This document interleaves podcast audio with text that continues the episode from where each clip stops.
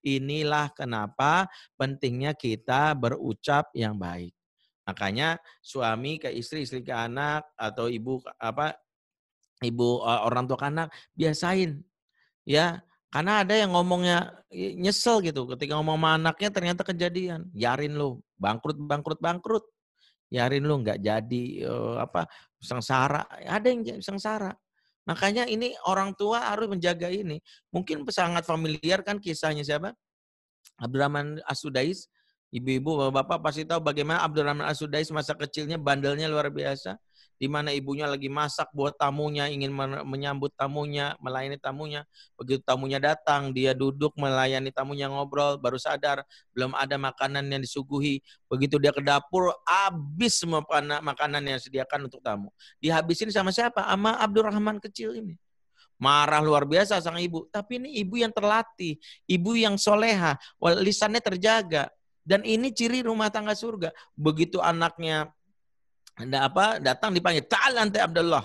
Ya, ta'al ante ya Abdurrahman gitu. Sini kamu Abdurrahman. Maka di ibu apa kata ibunya? Ukhruj ante ilal haram. La'alaka imama majil haram. Keluar kamu ke Masjidil Haram. Ibu laknat kamu jadi imam Masjidil Haram ibu laknat kamu jadi imam jadi nggak tanggung tanggung makanya sekarang di masa pandemi kan kita stres nih tertekan marahnya adalah latihan deh sekarang jadi ibu-ibu nih karena mungkin banyak anak-anak yang school from home, deh sekarang kalau anaknya belin udah punya kalimat marah yang pas, uh nyebelin banget kamu, biar udah gede jadiin Pak Habib, gantiin Pak Habibie kamu. Ya, jadi udah dilatih.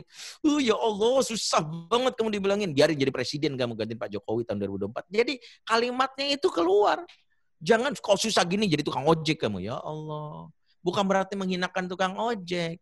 Artinya kalimat ini justru yang menghambat prestasi anak. Deh sekarang tuh kalau kita mau kesel marah punya latihan gitu. Maka per, yang kedua gambaran suasana surga dalam rumah dilatih dengan cara apa? Yaitu dengan memberikan yang namanya kalimat karena ingat penduduk surga ngomongnya yang positif, kalimatnya yang baik ya mereka selalu berkata-kata yang baik. Jadi biasakan berkata-kata yang baik ya.